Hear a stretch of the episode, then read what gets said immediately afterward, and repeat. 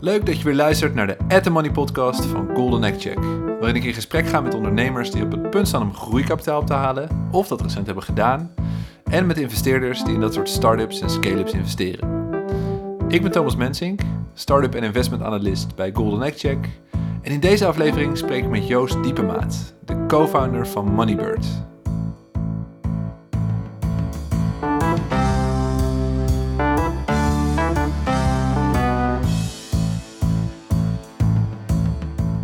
Moneybird is een online boekhoudprogramma, of hipper gezegd een SaaS fintech startup.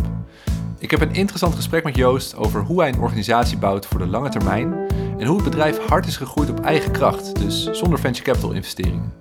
Je gaat horen dat Bootstrap ook een serieus interessante optie kan zijn. En tot slot vertelt Joost over hun plannen om in een nieuwe generatie SaaS-bedrijven te investeren.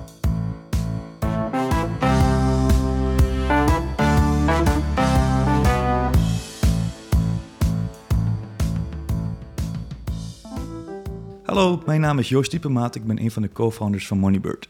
En uh, dagelijks bouw ik aan de leukste boekhoudserver die we in Nederland hebben. Waarom is het belangrijk dat het leuk is?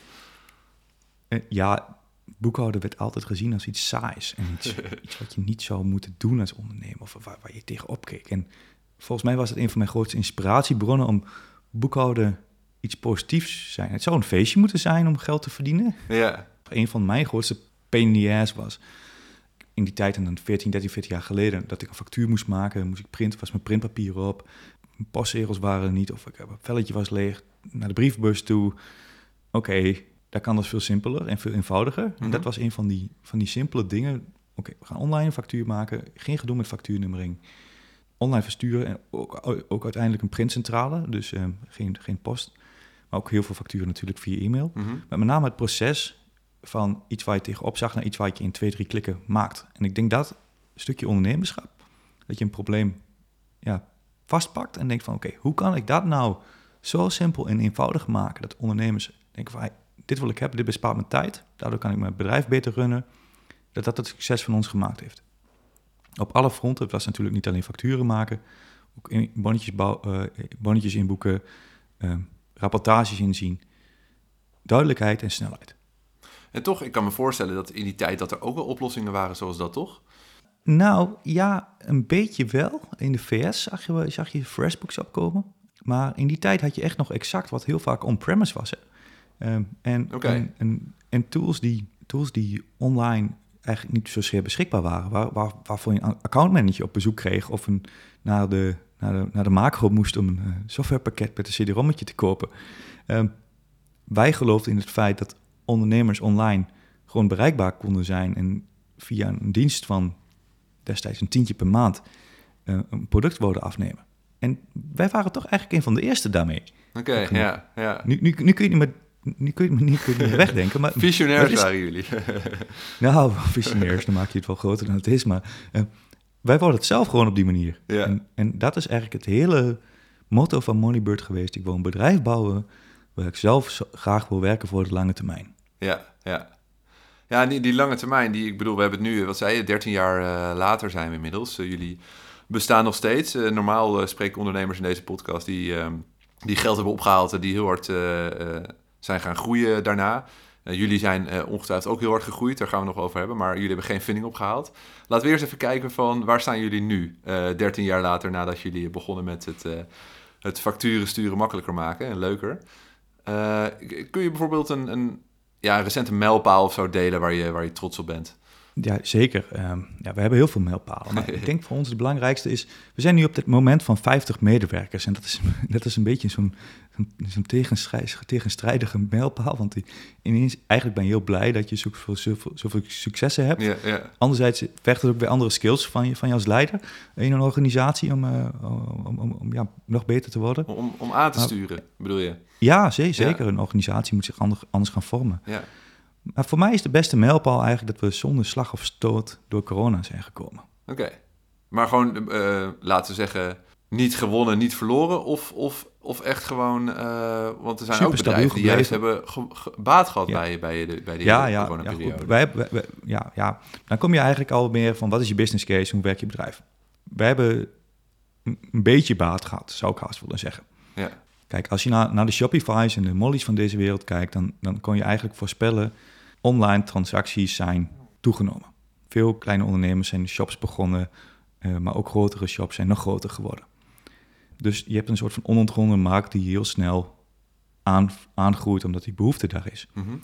Als je naar boekhoudsoftware kijkt, dan groeit het niet eh, ja, exceptioneel vlot of sneller, Mhm. omdat er een corona is. Want ondernemers hebben ook boekhoudsoftware nodig voor of tijdens corona. Dus als je een beetje de trend kijkt, en dan kijk, kijk je bijvoorbeeld naar Xero, in, eh, in de, die groot is in de VS, 20% groei per jaar is wel max. Nog steeds pittig hoor, laat ik dat voorop stellen. Ja. Eh, maar dat zijn wel de casussen. Boekhoudsoftware is een long-term business. Het is een lange game waar je in speelt. Mhm.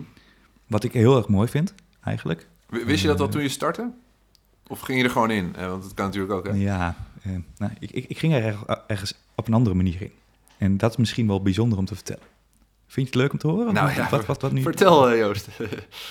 Kijk, sommige ondernemers die starten een bedrijf en die hebben een groot visionair ID.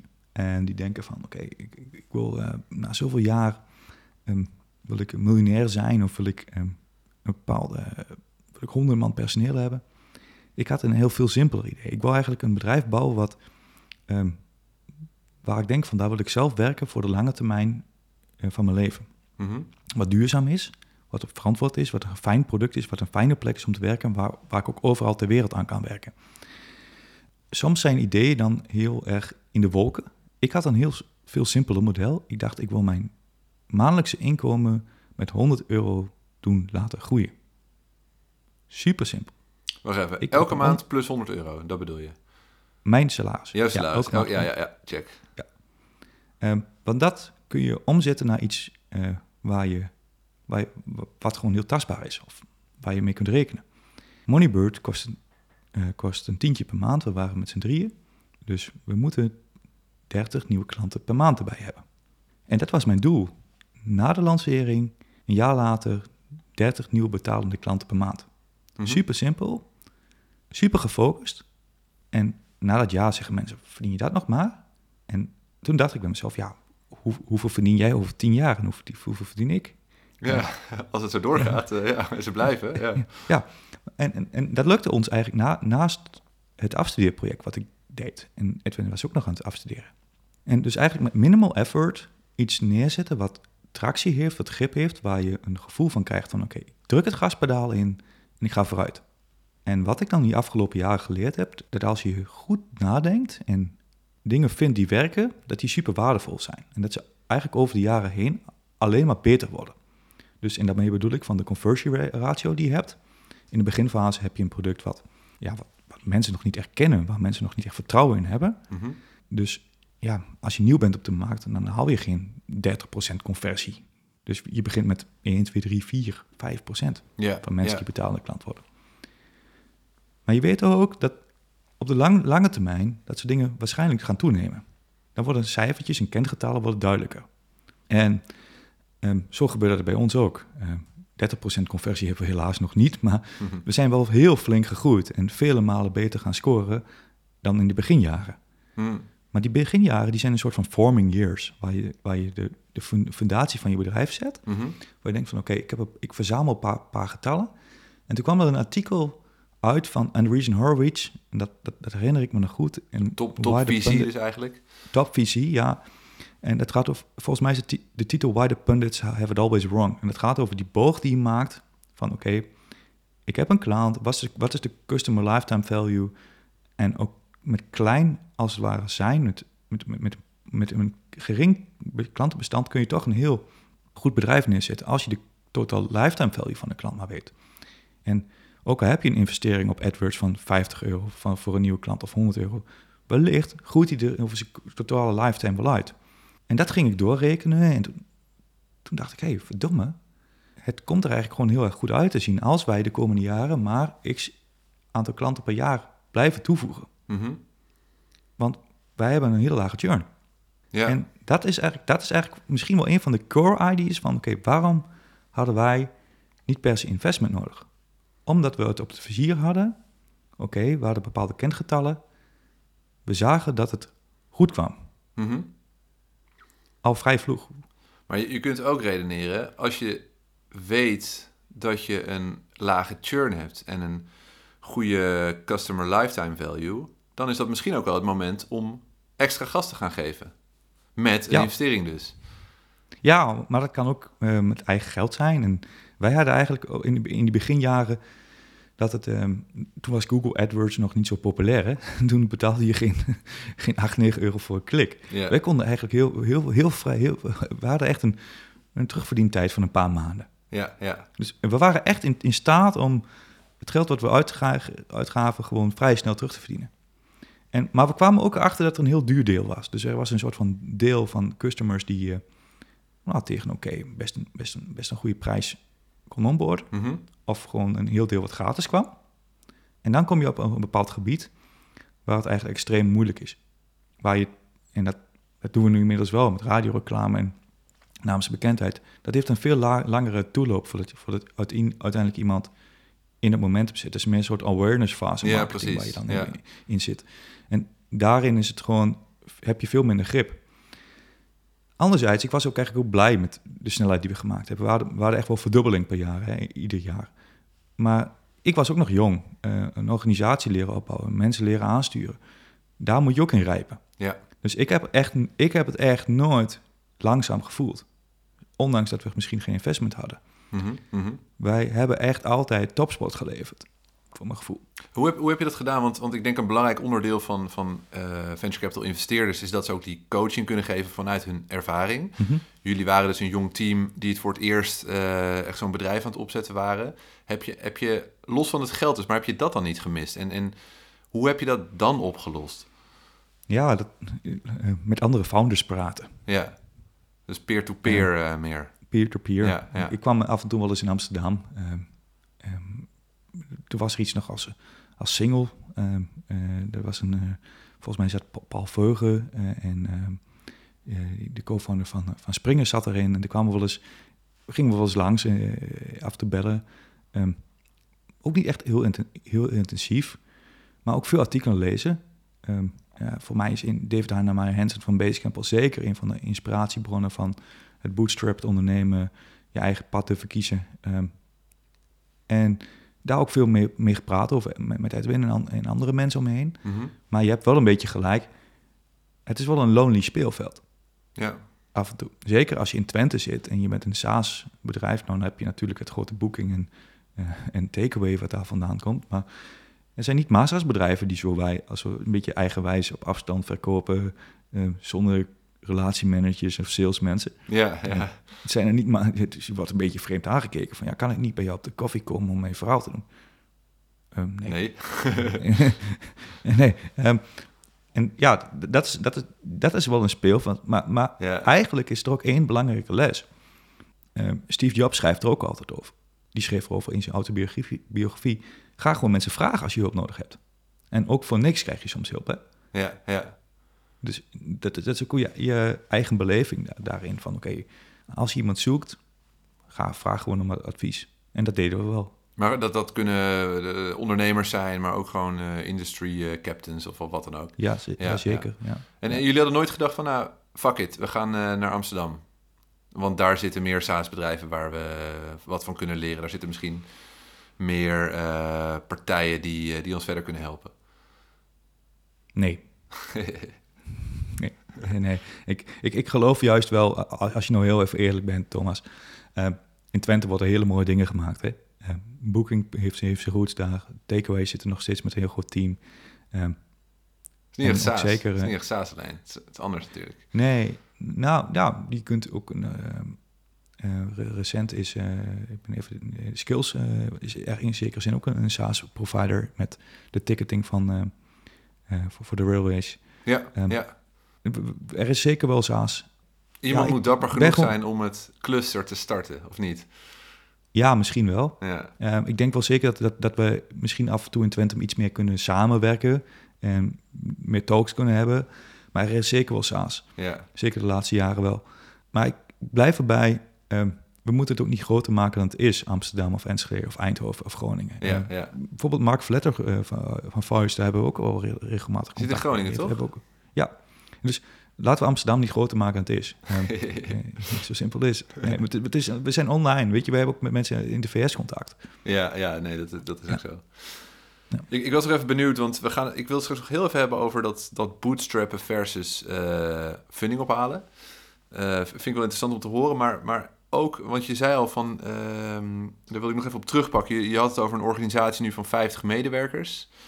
Ik kan me herinneren eh, dat jij ooit, en dat is misschien één of twee jaar geleden al, eh, iets hebt geschreven over dat jouw rol als founder verandert. Van iemand die dagelijks met, met de code bezig is, tot iemand die opeens ehm, mensen moet gaan aansturen. En ik, ik kan me herinneren, maar ik, ik moet maar even eh, mijn geheugen opfrissen, dat je hebt gezegd van, en nu ben ik we- weer wat meer tijd met het product aan het, aan het besteden. Klopt dat? Is dat zo'n zo'n wave geweest of zo? Hoe zat het ook alweer? Ja, ik herinner het met het artikel ook wel. Ehm, je hebt gelijk. Dat is, maar dat is volgens mij een jaar of zes geleden toch wel. Oh, zo lang Ja. al? Ja. Ja, vijf jaar. Dan heb ik echt een goed geheugen. Dat heb je. Eh, no worries. Je gaat door bepaalde fases heen Ja. als, als founder. Ehm, en je wordt ook bepaalde dingen, word je ook volwassener. Ik zeg ook gewoon eerlijk, toen ik een jaar, jaar of 28 was en ik moet mensen van 45 aan gaan sturen, terwijl ik één of twee jaar mensen in de diensten heb, ja, ik, ik voel me daar niet per se geroepen toe. Inmiddels ben ik daar een stuk volwassener in geworden, heb je veel meer dingen gezien en zie ik nu totaal niet meer als een probleem. Mhm. Maar wat je zegt, je gaat door bepaalde stages heen. En ik, ik, voor mijn rol is ook van waar groei je in, waar wil je in groeien. En ik ben nu eigenlijk meer een, je zou me een beetje als een COO kunnen zien. Een operationeel iemand die de organisatie draaiende houdt. Die zorgt dat de motor blijft draaien, dat er spanning is in de zekere zin. En bedoel ik meer de, de spanningsboog, eh, een soort van Robin Hood. Dat, dat, dat we altijd dingen blijven doen en dapper durven zijn. Ehm, niet, niet altijd gaat iedereen daarin mee. Maar dan moet je zorgen dat je dat wel voor elkaar krijgt. En dat mensen positief blijven en met energie blijven ondernemen. Ja. Of ondernemen die ondernemende geest blijven, blijven hebben. En dat vind ik eigenlijk leuk. Ik, ik, ik, ik, vind haar echt wel leuk. Laat ik in de, in de grootste, ja, in, in zekere zin, in, in- zeker op organisatiekundig niveau, hebben we nieuwe stappen te maken. Hoe gaan we nu verder? We hebben enorm veel kansen en welke passen we, eh, welke, welke kiezen we? Eh, maar ik doe ook nog wel een product development en dat meer op pitchniveau. Dat ik zeg van oké, welke dingen gaan we doen en hoe gaat iets werken? Mhm. En ik schrijf ook af en toe nog wel een klein beetje code meer om met techniek uit te vogelen hoe dingen werken. Ja. Ehm, bijvoorbeeld, er komt een API van een nieuw partner uit. Hoe kunnen we dat dan gaan toepassen in de bestaande stack? En dan is dat meer mijn avonduurtjes werken. Dat ik denk gewoon een hobby, toch? ja. Het, blijft ook gewoon, eh, het moet voor jezelf ook leuk blijven. Ja, ja, ja tuurlijk. Ehm, ik, ik, ik, ben, ik ben techneut, dus ik blijf techneut. Eh, eh, eh, dat is, ja. ja, maar dat is ook goed, weet je. Dan, dat, dat, daar moet ik ook echt niet vanaf. Daar moet ik echt niet mee stoppen. Want je kunt dan ook de context van waarin, waarin mensen eh, opereren goed, goed blijven snappen. Precies, ja. En dat is denk ik wel een succes eh, van, van veel techbedrijven. Dat de- de founders gewoon ook technisch zijn en snappen waar het over gaat. En daardoor ook eh, bijvoorbeeld snappen wat technical debt is. Het is, zoiets van, oké, we hebben software die eigenlijk verouderd is. We moeten dat herschrijven. Zo niet, als we dat niet doen, dan komen we vroeg of laat komen we in de problemen. Eh, ik ken best wel wat, wat managers die denken van... Ah, we moeten alleen maar door nieuwe features. En op een gegeven moment loopt die hele stack vast. Dat soort beslissingen zorgen dat je een, een reine, positief en ja, scherpe organisatie behoudt. Mhm. En in die, in die casussen, dan moet je ook, ja, je, je komt er vroeg of laat een engineer tegen die zegt van, ja, ik- dat stukje software, ik zou het zo graag willen schrijven, Joost. Wanneer krijg ik nou dus de tijd voor? Ja, die tijd die moet er zijn. Ja. Wel een afweging, met wel een gezonde afweging, gaan we dan nieuwe features bouwen of, of niet? Maar dat soort, ja, dat soort zaken, die, ik vind het heel fijn om daar discussies met mensen over te hebben. Ja, precies. En, en volgens mij, jij, je gaf al aan, je, je wilde een, een, bedrijf waar je zelf ook lang zou werken, eh, wat leuk is, wat, wat een beetje eigenwijs is, zei je net ook. Het, het, het, het lijkt mij, tenminste zo komt het altijd op me over, dat jullie best wel goed hebben nagedacht over wat voor soort bedrijf jullie willen zijn en wat voor soort jullie, eh, cultuur jullie willen creëren, ook om, om mensen aan te trekken. Ehm, kun je daar wat meer over vertellen? Maar kun je ook vertellen, is dat, is dat iets wat jullie vanaf dag één dus al hadden? Hè? Want je, je, je wil een leuk bedrijf, maar ja, weet je dan ook precies hoe je dat wil doen? Of is, is zoiets ook meer organisch eh, gegroeid? Hoe, hoe is dat gegaan? beetje van beide. Een deel hadden we echt wel staan. Een online, een van de, we hadden een, een, eerste businessplan dat heette Invoice Tool, volgens mij, als ik me niet vergis. En er stonden echt wel kernwaarden in. We willen online voor ondernemers En, en vaak zijn dat best hoogopgeleide mensen die, waar, je leuk, die allemaal waar je leuk contact mee hebt, die beslissingsbevoegd zijn op direct een dienst verkopen. Ehm, we wouden geen salesorganisatie neerzetten, want dat paste niet bij het ritme, want we willen ook op afstand kunnen werken aan ons, ons product Ja, omdat we ja, ook anderen bijvoorbeeld kunnen, willen kunnen reizen, maar ook niet in de sleur van in de auto zitten willen belanden, maar ook juist willen kunnen schalen over heel Nederland of misschien in de toekomst over de rest van de wereld. ja, Eh, dat soort keuzes, die, die, die komen natuurlijk ergens vandaan. En ze zijn best wel typerend. Niet, niet iedereen maakt ze op dag één. Ehm, ja, wij deden dat wel. En dat had ook te maken misschien met eer, eerdere werkzaamheden die we, die we hadden gedaan. Ehm, zowel Edwin en ik hadden beide ieders een, een, een klein webdesignbureautje gehad. Ehm, dan weet je ook een beetje van de hoed en de rand van hoe gaat dat? Mhm. En onze behoefte was echt heel sterk om een eigen product in de markt te zetten. Waar we met een soort van small team, big impact eh, iets konden doen. Dus niet iets maken voor, een- voor, voor een kleine doelgroep, maar potentieel een hele grote groep mensen gewoon blij maken. ja. Terwijl we zelf ook blij blijven. Maar, maar dit klinkt meer als een soort, soort van businessmodelkeuzes. Maar eh, hoe zit het dan met de cultuur? Want volgens mij hebben jullie ook een cultuur dat je... ehm, ik weet niet hoe precies hoor, maar, maar eh, papadagen zijn heel, heel gewoon. En, en Mm. thuiswerken Ja. deden jullie al voordat corona er was. Dat, dat soort dingetjes. Eh, ehm, hoe, hoe is dat... Hoe is dat? Ja, wat, wat doen jullie precies? Wat, wat is jullie cultuur? Hoe zou je dat kunnen omschrijven? Ja, voor mij is die cultuur eigenlijk niet zo heel speciaal, maar is omdat die, het is zoals we het gedaan hebben. En, eh, eh, ja, we, we proberen eigenlijk een, een, een- Misschien is het wel makkelijk om te zeggen: een bedrijf moet een goed verlengstuk van je leven zijn. Ja, Eh, dat betekent niet dat je niet ambitieus bent, maar overwerken, dat doen we eigenlijk. Ja, daar moet echt een reden toe zijn. Bijvoorbeeld een storing of een, een- ja, iets echt wat heel belangrijk is. Iets, is het is meer een, meer, meer een rariteit dan dat het een ge- gewoon iets is. Want we willen fris blijven, we willen energiek blijven. En ik geloof dus niet in dat je bijvoorbeeld 60 uur in de week dat dat helpt. Ik, geloof heel erg dat het zinvol is om ehm, de juiste beslissingen te maken in plaats van heel, heel veel te werken. ja, Ehm, gelukkig kunnen we dat ook. Ehm, zo zie ik, ook, zie ik het ook als mensen. Ik, ik heb een soort van ambitie dat ik denk van...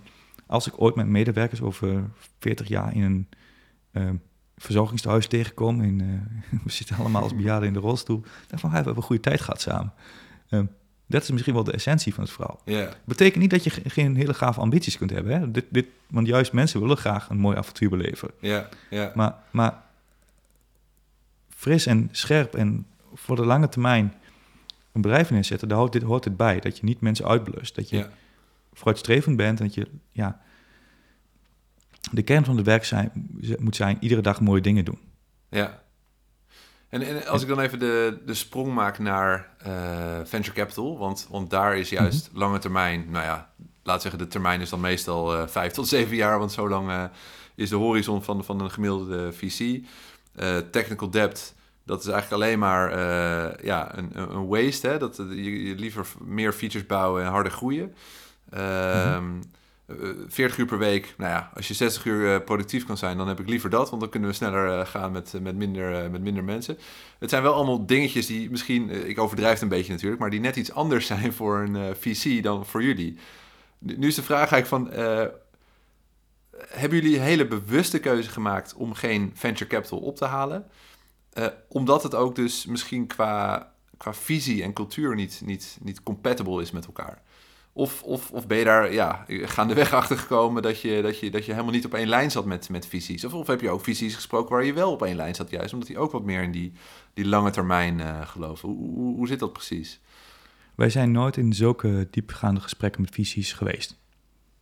Be- Ze Ehm. klopte wel eens op de deur, neem ik aan, toch? Want eh, je Ja, laat tuurlijk. attractie Ja, zien, ja, eh, je, bent, je bent een van, de, van de leidende partijen in, in, in Nederland. Dan, dat vindt ze wel interessant. Zeker. Ja, maar we zijn nooit in gesprek geweest op zo'n zo'n diep niveau. Inderdaad, er veel te interesse. Maar we kwamen eigenlijk op een, ehm, na een jaar of vijf, zes, zeven, toch op een moment dat we eigenlijk alle ambities die we zelf hadden, zelf konden finan- financieren. En dan heb je het eigenlijk niet meer nodig. Dus eigenlijk, ja, ik ben wel, ja, er is wel geld. En ik wil toch wel zeggen, er zijn hier ook wel VC's die toch anders kijken. Er zijn wel zeker wel partijen die lange termijn visies hebben, die prima vinden om geld in een onderneming te, start, eh, te stoppen en twintig jaar lang een klein beetje dividend te pakken of whatever, een groeispurt te maken en daarna lange termijn in te blijven zitten. Zie je die ook in Nederland trouwens? Want ik zie in Amerika wat voorbeelden, maar in Nederland nog niet zo heel veel. Ja, er zijn wel wat family offices Ja, die, die, ja. eh, die, die, die er zo in zitten. Ehm, en ja, die kom ik wel eens af en toe tegen. Mhm. Ehm, laat duidelijk zijn, wij zijn niet zoekende, we gaan kondigen niks aan. Ja, ik maar- dacht dat ik de primeur... eh, Je hebt probeer er niet. Nee, nee maar ehm, er zijn er zeker wel partijen die, die, er, eh, die er zo in staan. En ik, ik, ik denk dat dat niet ongezond is. Ehm, anderzijds, er zijn ook bedrijven die juist echt die, die hills maken... waar je heel hard gaat en weer inzakt... en dan weer heel hard gaat en inzakt. Dat kan en dat heeft ook soms een, eh, ja, zijn, ja, zijn ups en misschien ook soms wat wat downs. Wij hebben er niet voor gekozen. heb, heb, je nooit, heb je nooit het gevoel van, als we het wel hadden gedaan, waar hadden we dan kunnen staan? Dan hadden we misschien Hmm. eh, Duitsland ook al in de pocket eh, gehad nu. Nee, ik heb nooit echt spijt gehad. Ik heb nooit een- Nee, dat, Nee, dat zei ik niet. Ik zei, heb je er wel eens over nagedacht waar je had kunnen staan? Niet zozeer.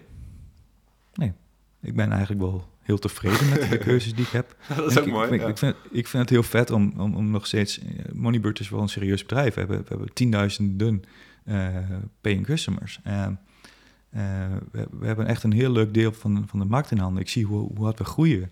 Eh, ik ben daar trots op. En ik, ik, ik weet zelf soms ook niet of ik per se met VC altijd heel veel harder had gegroeid. Hm.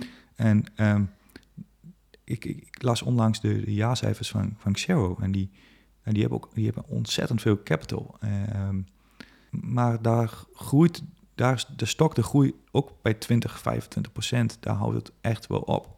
En ehm, dat soort paces kunnen wij ook halen. Ja, Ehm, ja. en dat is dus ook. De, eh, en ik geloof wel in die eerste fase dat je dan misschien wel een groei, sneller gegroeid was.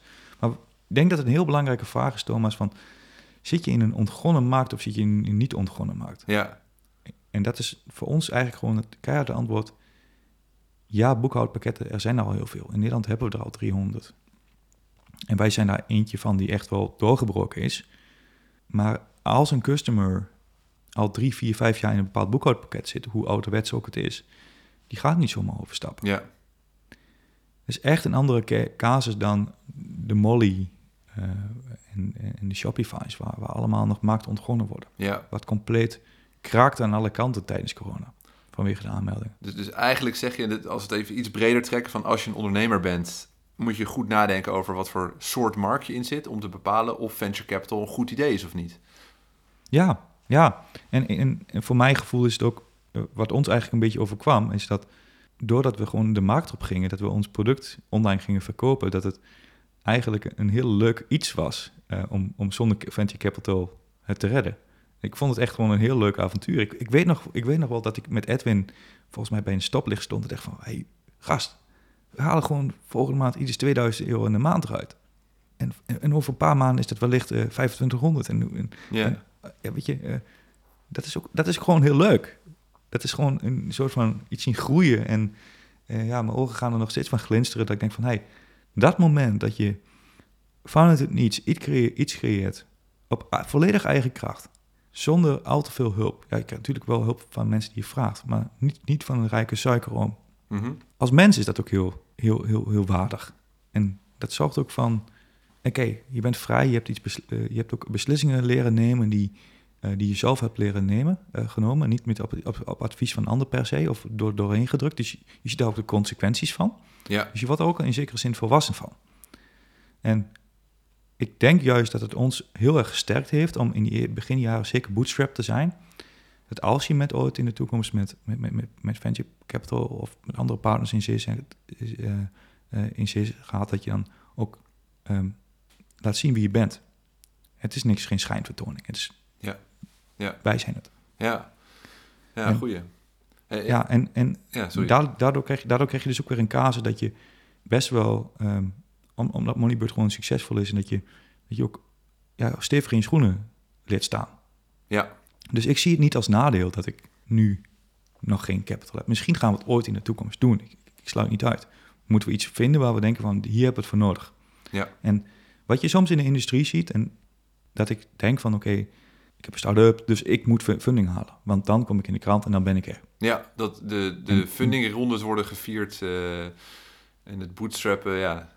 Dat krijgt Ja, gewoon wat minder eh, externe aandacht, zullen we maar zeggen. En dat vind ik soms overrated. Ja, dat snap ik. Ik, en ik denk van, oké, als het je lukt om van de grond af iets op te bouwen, dan is dat ook onwijs gaaf. En er zit ook nog iets anders in. En dat klinkt een beetje heel surf, maar je bent niet op de radar als je geen funding hebt. En dat is niet per se een nadeel. Eh, Oké. Je kunt nou, ja, Op de radar van wie dan? Want hoe bedoel je dit? nou, nou, van concurrenten. Ja, ja, ja, ja. Wij konden eigenlijk ja, een beetje in het stilletjes langzamerhand een hele markt gaan veroveren. Zonder dat eigenlijk onze concurrenten echt in de gaten hebben van, oké. En toen denk ik van, de moneybird begint ook wel steeds groter te worden. Sta je direct in de picture door de venture capital, ja, dit, dit, dit is natuurlijk ook iets heel moois. Hè. Het zorgt ook voor promotie van je dienst. Ja, Maar ik zou, ik zou dus niet, niet, niet roepen dat het bij ons per se negatief is geweest dat we het niet gehad hebben. ja ik snap het. Ja, ja, ja. Dit- ja zit aan elk, eh, elk nadeel heeft zijn voordeel, is het natuurlijk. ja, beetje, nadeel op zijn voordeel, ja. Ja. En, en dat vind ik het eigenlijk wel heel leuk. En, maar, maar, maar nogmaals, ik ben niet tegen venture capital. Ik, ik denk zeker als je naar eh start-ups kijkt, waar bijvoorbeeld in, wat we op de universiteit hebben, best wel veel clean tech en, en, en nano-spulletjes en, en medical dingetjes waar echt miljoenen in zijn, eh, benodigd zijn om, om een bepaald resultaat te boeken. Ja. Dat het echt super, super, super simpel is. Ik, ik had denk ik een duizendje of tien aan spaargeld, eh, wat, wat ik in privé heb ingestopt Ja. om, om de eerste, dat eerste jaar door te komen. Of de eerste anderhalf jaar. Goedkoop leven, met, met een tentje op vakantie. eh, uiteindelijk een klein Renault Clio'tje. Het was allemaal prima. Eigenlijk maak je een mooi pleidooi om eh, te bootstrappen. Eh, en toch hebben jullie plannen om zelf ook te gaan investeren in, in bedrijven. Is dat niet paradoxaal dan? Ja, ja je zou het paradoxaal kunnen noemen. Wat we, Ed, Edwin en ik hebben gedacht van... oké, hoe kunnen we mensen helpen? Ja, met geld wat, wat we verdienen of wat we verdiend hebben. En we hopen, ja, we- denken, we hebben, zijn als founders hebben we gewoon veel lessen geleerd. En als er bedrijven zijn waar we van denken, oké, die verdien- verdienen het om te groeien, dan helpen we, helpen we ze graag. That's the game. En zeker dan in het SaaS-landschap. En vanuit, dat, vanuit die gedachtegang ja, denken we van, oké, kunnen we ondernemers helpen die bijvoorbeeld een overstap willen gaan maken? Ehm, ehm, een van onze eerste investments die we binnenkort aankondigen, is een, een, is een, een agency die uit een agency een, een SaaS-bedrijf is gestart. Eh, mensen die huisje, boompje, beestje, kinderen hebben, die ja, eigenlijk die, op- waar die overstap best wel groot is. Veel groter dan ik met mijn burn rate in mijn privé van 800 euro in de maand, zeg Mhm. maar. Je- maar je bedoelt dan de, de, overstap tussen eh, op maat Van dingen maken tot eh, Nee, ja, eigen ja, software, precies, dan- eh, eigen SaaS. ja, ja, precies. Ja, dat zit, en zeker als je dan met een man of 8, 9, 10 bent, dan, dan, dan, dan, gaat er, dan hebben, zijn er zeker wel kosten in zo'n or- organisatie. En dan is die, die overstap om, om van zo'n van agency, van zo'n agency naar dat SaaS-bedrijf te gaan, is Ja. gewoon een grote stap. Ja, precies. Want het duurt De- gewoon lang voordat, voordat, je, voordat de baten binnenkomen. eh, stromen. Juist. Ja. En dan zien wij toch van, oké, kunnen we dat bedrijf nu helpen om die overstap te maken, die andere kant van de oever komen te staan, terwijl we wel heel duidelijk zien van, oké, hier is tractie in de markt, dit product klopt, er is gewoon serieus wat omzet, dan hoeft echt geen 10.000 euro's te zijn, maar je ziet dat het team, als het op, de, ja, op het gaspedaal drukt, dat het vooruit gaat. Dus je, je hebt, en dat, is, dat zijn de bedrijven waar we eigenlijk denken van, oké, daar kunnen wij met onze kennis en expertise die we hebben, die bedrijven kunnen we helpen. Mhm. En dat doen we graag. Dus we hebben niet per se dat we op zoek zijn naar de, next million dollar of billion dollar venture firm. Het zou leuk zijn als het ontstaat, weet je. Het is top. Maar de essentie van het verhaal is van, oké, wij zien hier een bedrijf. Dat kan hulp gebruiken, de kennis, met de kennis en kunde en ervaring die wij hebben Mhm. van het opzetten van een bedrijf wat op een lange termijn visie wil groeien en blijven groeien. Ja, dus, dus eigenlijk de bedrijven die dezelfde visie hebben eh, qua SaaS en bootstrappen als, eh, als Moneybird eh, heeft. maar die eigenlijk in die transitie zitten naar SaaS toe. Dat- of ja, misschien, dat of is- misschien überhaupt net beginnen. Dat kan, dat kan ik, ja, ik weet ja, niet het kan ook net beginnen zijn. ja. En, en ja, of, of dingen waar we zeggen van oké, dit is markt herkennen we, dit probleem herkennen we echt. Dit, hier, hier snappen we waarom, waar je mee bezig bent. We zijn ook maar, we zijn ook maar weer bescheiden. We weten ook niet precies waar dit idee gaat eindigen. Misschien zeggen we wel, het is veel te complex. En ik, ik heb nu al gemerkt dat due diligence en alle zaken door, eromheen best wel wat tijd kunnen gaan kosten. Eh, het lijkt allemaal eenvoudig, maar je zit altijd nog wel vrij veel details aan. Ja, Anderzijds denken we wel van, oké, ja, als we, als, we, als we een paar bedrijven misschien eentje per jaar of misschien een keer twee per jaar kunnen helpen om, om, om, om, om een stap te maken, hoe mooi is dat? En dat is, ja, het is een beetje, beetje ook een stukje liefdadigheid op, om iets terug te geven. Ja. En Echt een pay it forward. eh, dus de, de, de Silicon Valley-stijl komt nu terug in eh, land in Enschede eh, misschien wel. ja, nou, volgens mij zijn er wel meer mensen die het doen. Ook Tuurlijk, wel, ja, zeker in ja. Enschede, wat, wat angels die er zijn. Ehm, en ik ben onlangs ook bij Operator Exchange aangesloten. Oh ja, ja. Als een van, van de Ja, operators. een netwerk van, Kijk. van eh, Ja, angels die, die operationele ervaring hebben in, eh, in startups. Hè? Ja. ja. Lachen. En eh, hoe, hoeveel tijd denk je daar aan kwijt te zijn dan? Want ehm, eh, als je het hebt over één of twee deals per jaar, ik, ik kan me voorstellen dat die bedrijven best wel wat begeleiding kunnen gebruiken. Is, is het, is dit een, een, een eh, side hustle waar je, waar je af en toe wat tijd voor maakt? Of, of wordt dit bij, bij wijze van spreken een dag in de week eh, uiteindelijk? Het voordeel is dat je vrij veel problemen echt goed herkent. Dat is voor mij ook wel schoenmaken, behal- blijf, blijf, blijf bij je leest. Doe de dingen die je snapt en kunt en projecteer die op, op de problemen die die andere bedrijven hebben. Mhm. En zo zie ik het eigenlijk. eh, ik, ik, ik heb nu al bij ja, het technical debt probleem kwam alweer voor bij het bedrijf waar we, waar we dan nu een stap in gemaakt hebben. Die, ja, dan zie je dus weer de discussie tussen iemand die, de engineer die eh, toch die, die problematiek eerst wil oplo- oplossen en een product manager die, eh, die wel snel wil gaan. Oké, die discussie gaan we dan even vanuit het perspectief wat we bij Moneybird geleerd hebben voeren. En dan zie je dat je daar heel snel een mooie, reine pad samen eh, krijgt, krijgt. En dat, dat, dat zijn de casussen af en toe gewoon sparren, one-on-ones hebben. Ja, Eh, ja, het is niet, het is, en ook vooral het bedrijf het bedrijf laten zijn. ja. en- Je, je noemde net van, het moet hetzelfde zijn als Moneybird. Nee, het, het moet vooral een eigenheid hebben Mhm. waar we achter staan. Waar mensen denken van, oké, dit is een pad waar ik... eh, Het moet, het moet echt niet een kopie van Moneybird worden. Het moeten bedrijven zijn die op een eigen manier iets heel moois willen gaan bouwen. Ja. Waar we, waar we, waar- die we snappen en die we op, een goede, op, de, op dezelfde golflengte zitten qua, qua hoe je in het leven staat. Ja. Mooie producten bouwen die, op, die over twintig jaar ook nog bestaan. Ja, cool. En misschien tot slot hoor, eh, normaal vraag ik altijd, wat, wat zou je aan founders willen aanraden die, eh, die willen fundraisen?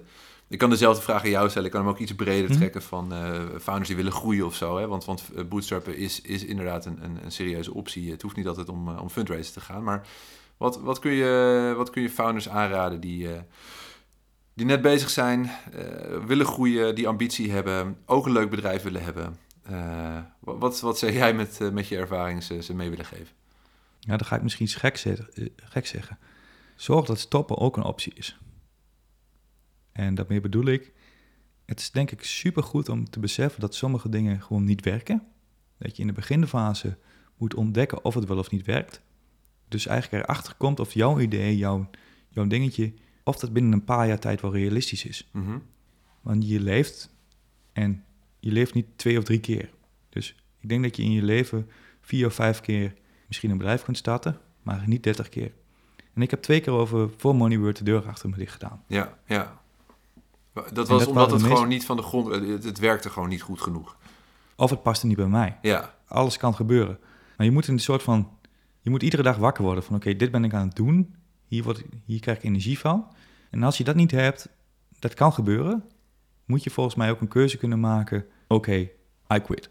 ja, En dat klinkt een beetje gek, eh, eh, maar sommige organisaties die lopen vast omdat ze allemaal, eh, allemaal dingen doen. Dan zijn ze nog vier, vijf jaar lang aan het sukkelen. ja, ja, Ja, zo- ja, ja. En, en dat is wel een dingetje, hè, jongens. We moeten gewoon mooie dingen doen. En soms kun je er heel snel achter komen of het wel of niet werkt. ja. Ben ik aan een vijver aan het vissen waar wel of geen vis in zit? Weet je? En Ja, ja ik, ik, ik herken dat wel. Dat is wel een goed advies, want ik, eh, ik zie inderdaad vaker ondernemers die aan een dood paard trekken. En dat is zo'n verspilling van talent. Eh, ik zie ook ondernemers die eigenlijk helemaal geen goede ondernemers zijn, maar veel beter op een andere plek in een, in een misschien ook heel ander type bedrijf eh, zouden passen.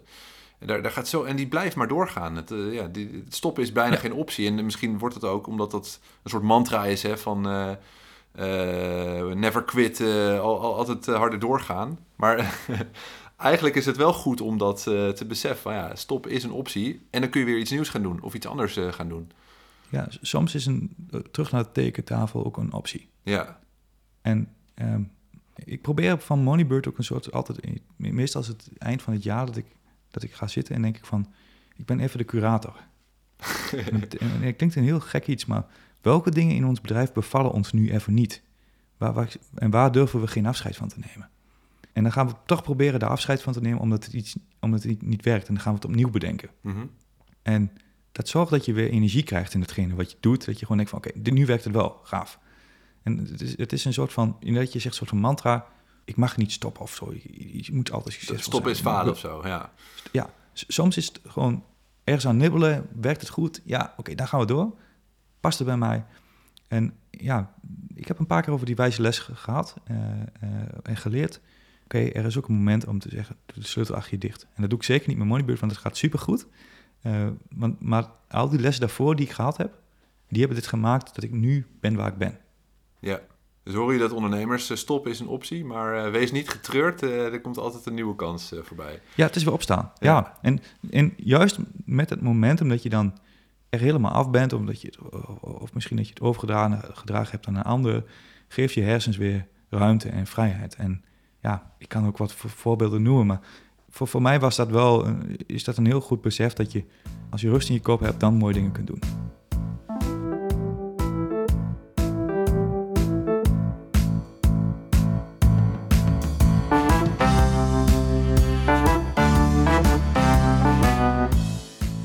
Hebt geluisterd naar de At The Money podcast van Golden Egg Check. Overweeg je zelf een funding op te halen? Lees dan mijn nieuwe boek Startup Funding, dat ik samen met Sjoerd Mol heb geschreven.